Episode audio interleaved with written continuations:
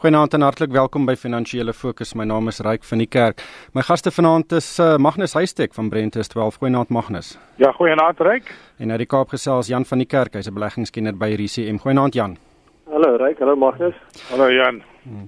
Magnus, ek het nou na kommentaar geluister en gehoor wat Max Jan Jan en Christo gesê het. Ehm um, en ek dink so 'n program as dit in enige ander land uitgesaai sou word of 'n land wat om ten minste as 'n vooruitstrewende land beskou So daar môre miljoene mense op straat gewees het. Weet jy nie aantuigings wat gemaak word is ongelooflik. Ongelooflik. Die korrupsie is buite beheer. Uh dis eintlik diefstal, is nie baie gesofistikeerde korrupsie nie. Weet die omvang van die staatskaping is net ook ongelooflik. Weet die ons praat hier van die polisie wat gekaap is, die ondersoekeenhede, die intelligensiedienste, die inkomste diens. En dan praat ek nie eers van die departemente van kommunikasie, energie en mynbou nie. Ons het gesien dat Pieter Hein hierdie week in die Britse Hoërhuis gesels het oor korrupsie en geldwasery van die Guptas en hy het vinger gewys na HSBC, een van die grootste banke in die wêreld. Dit was 'n hoofberig in die Financial Times, uh dan natuurlik een van die wêreld se grootste finansiële dagblaaie. Ek dink dit in die koerante wat ek gesien het, was dit net op een koerante op die voorblad. En dan kyk ons na ons ekonomie. Ons kyk na die wisselkoers, ons kyk na die aandelemark. En ondanks al hierdie donker wolke is dit eintlik 'n wonderwerk dat ons ekonomie nie in 'n erge resessie is nie. Die rand is nie teen R25 teen die dollar nie en ons aandelemark is 20% op vir die jaar en staan op rekordhoogtepunte. Wat maak jy alles hiervan? Dit is verskriklik moeilik. Die, die die water is besonder troebel in hierdie stadium en dit is baie baie moeilik om om om om absolute sekerheid te hê oor enige opinie of standpunt of selfs 'n posisie in die mark. Dit is feitelik onmoontlik. Daar's net soveel veranderlikes En uh, 'n mens moet erken dat jy nie al die inligting tot jou beskikking het nie en dat daar iets onvoorsiens enige dag kan gebeur. Het sy die afgradering, 'n uh, kabinetskommeling, uh, afdanking in die politiek of nog uh, swak ekonomiese nuus. En dan mens uh, uh, letterlik dit is bitter bitter moeilik om om kop te hou in hierdie tye. En maar soos jy sê, ondanks alles staan ons mark op rekord vlakke, maar dit is 'n relatiewe term. Ons land is dalk tegnies op 'n rekordvlak, maar die opbrengs die afgelope 3-4 jaar is nie wat wonders nie. En relatief tot die res van die wêreld, uh soos ek al geruime tyd op Moneyweb skryf, is ons heel agter in die tou in terme van relatiewe opbrengste. So mense moet net bietjie kop hou in hierdie tye. Jan, uh jy is natuurlik uh, in die beleggingswêreld. Jy bestuur mense se aftreegeld.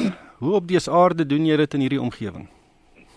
Ek dink eh uh, ryke mense moet aanvaar dat die die hele string slegte nuus wat jy nou opgenoem het uh, is redelik bekend aan almal. So uh, mense moet aanvaar dat tot 'n mate dit reeds ingeprys is uh, in uh, in die markpryse. Eh uh, dan moet jy aanvaar en die vraag vra watter van die pryse reflekteer die slegte nuus? Wat watter van die pryse reflekteer te veel daarvan en waarvoor wat te min? Eh uh, en ja, dis 'n goeie plek om te begin om om dan besluite te neem. Ja, ek sal dink uh, die feit dat die Suid-Afrikaanse regering nog steeds 10 jaar geld kan leen teen onder 10% per jaar vir die volgende 10 jaar, sê vir jou daar is nog baie beleggers in die wêreld wat bereid is om vir Suid-Afrika se regering geld te leen. Uh, ons sien dat hulle weet uh, kan geld leen in op alle durasies, so korttermyn 1, 2, 3 jaar, 5 jaar, 10 jaar, selfs 30 jaar uh, staatsskuld. Ehm um, weet en dis miskien iets wat my uh, kop te bowe gaan dat met al hierdie inligting en en die feite rondom Suid-Afrika se staatskas beleggers nog steeds is om vir ons regering geld te leen teen daai koerse. Maar Jan, dink jy dis dan 'n oorreaksie van baie mense? Weet almal wil hê natuurlik Suid-Afrika moet floreer en almal moet moet regtig eh, 'n uh, beter lewe hê. Maar dink jy ons is dalk 'n bietjie oor-emosioneel oor wat gebeur en dat die dat ons miskyk dat die feit dat dit in die openbaar bekend gemaak word eintlik deur die res van die wêreld weet as 'n positiewe ding gesien word? Ja, ek dink mense moet aanvaar dat uh, weet baie van die goed wat jy nou noem het reeds gebeur of is aan is aan die gebeur en ten spyte daarvan weet ek die Suid-Afrikaanse ekonomie nog aan die gang. Ons moet ook aanvaar dat Suid-Afrika 'n redelike klein oop ekonomie wat beïnvloed word deur internasionale uh, tendense soos kommoditeitspryse styg en hoog bly dan dit 'n positiewe invloed op ons ekonomie.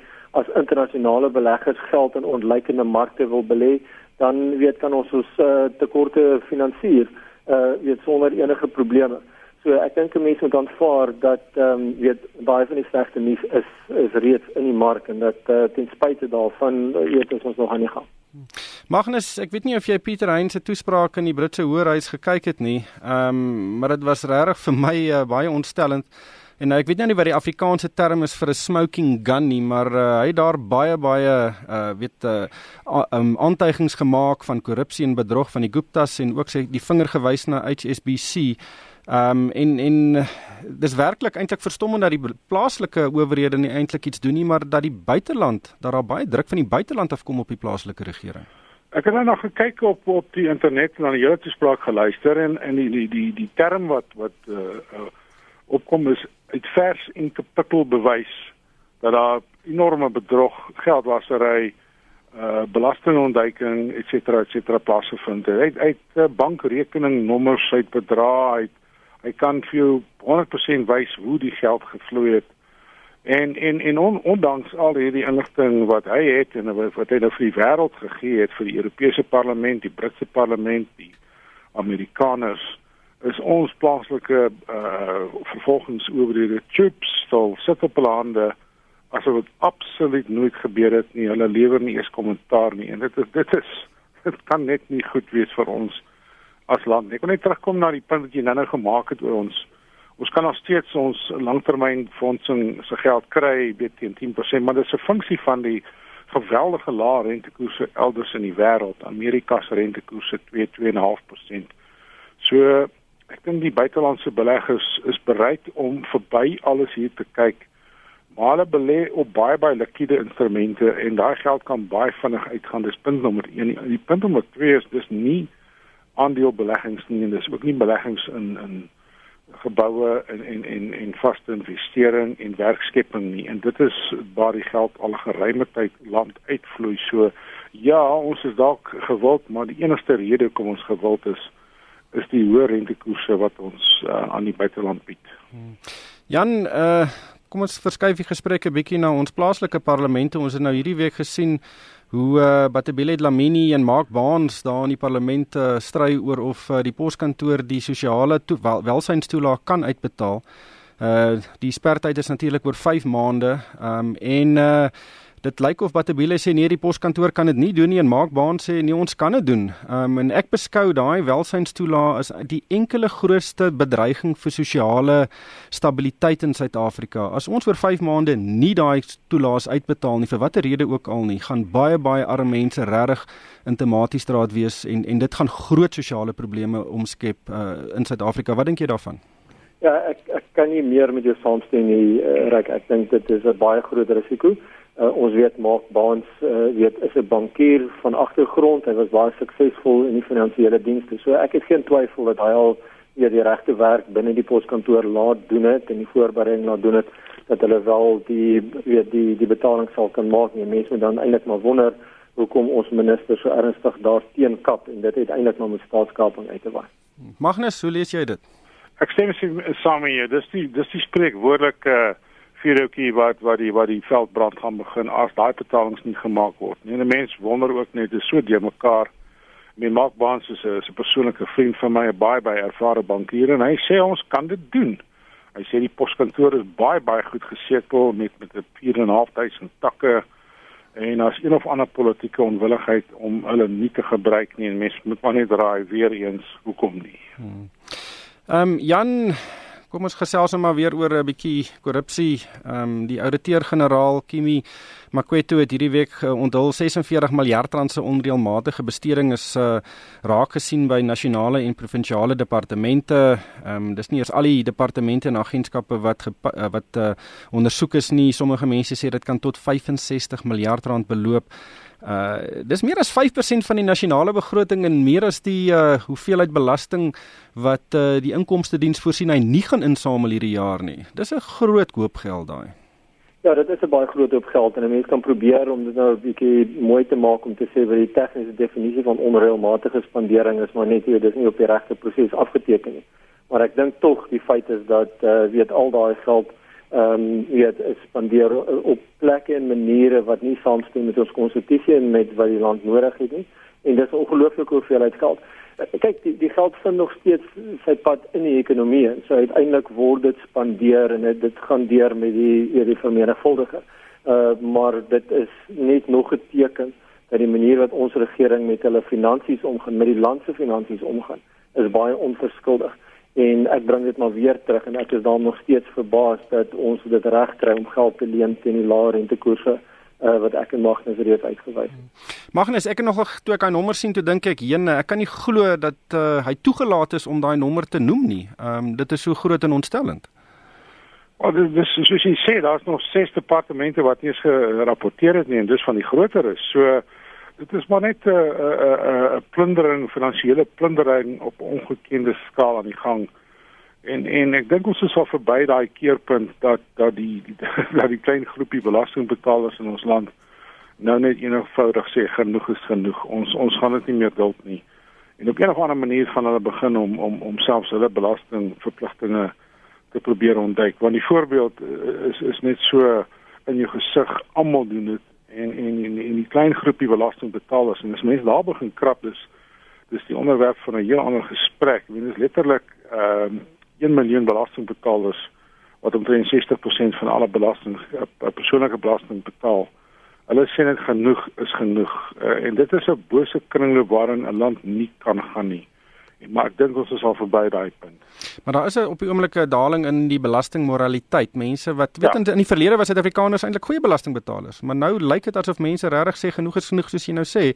Ons gaan regtig die minimum betaal wat ons moet betaal en en sommige mense vra selfs vir 'n moratorium of 'n boikot van belasting. Wel, dis gevaarlik want die die SARS het geweldige magte, kriminele en siviele magte en hulle kan jou besigheid toesluit of of jou rekening toesluit maar daar is ander maniere en ek ek, ek is nie betrokke daarbey nie maar ek is bewus van baie ander maniere wat mense toepas om geld te vertraag of of bloed eenvoudig net nie alle transaksies te, te te rapporteer nie. Baie meer transaksies word vir kontant gedoen en en dit is nie 'n uh, uh, uh, baie gemaklike of 'n gesonde omgewing waarin jy beweeg nie. Ek dink ons hele politieke stabiliteit is uiters afhanklik van daai belastingbasis en as daar nou probleme begin inkom dan is jy regtig regtig baie uh, probleme vir die land. Jan, kom ons gesels 'n bietjie oor koöperatiewe nuus. Ou Mutual het hierdie week 'n bietjie laat blyk wat hy met sy ontknoping gaan doen.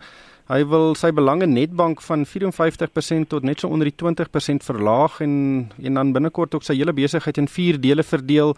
Is daar enige verrassings daarin en sien enige geleenthede want ontknopings lei mos gewoonlik tot 'n bietjie ontsluiting van waarde? Ja, dit is interessant. Weet ons weet al vir 'n geruime tyd dat Mutual hulle besigheid wil opdeel, weet hoofsaaklik in die ontleikende markte deel wat Suid-Afrika insluit en dan weet hulle batebestuur besighede in in Amerika en in en in Europa. Ehm um, wat my interessant is is dat Old Mutual dit klaar blykerig reg gekry het by die regulateur bankregulators uh om aandele aan hulle hulle netbank aandele uit te keer aan Old Mutual aandeelhouers uh tot die mate dat hulle 19.9% aandelehouding oor ons het gesien toe Barclays hulle belang in Absa wou verminder het hulle dit in groot stukke verkoop uh weet aan strategiese beleggers. So dis interessant dat die bankregulator sê 19% aandelehouding uh, weet deur 'n uh, verwysende aandeelhouer is genoeg uh, sodat al mense nog steeds agter Nedbank kan staan.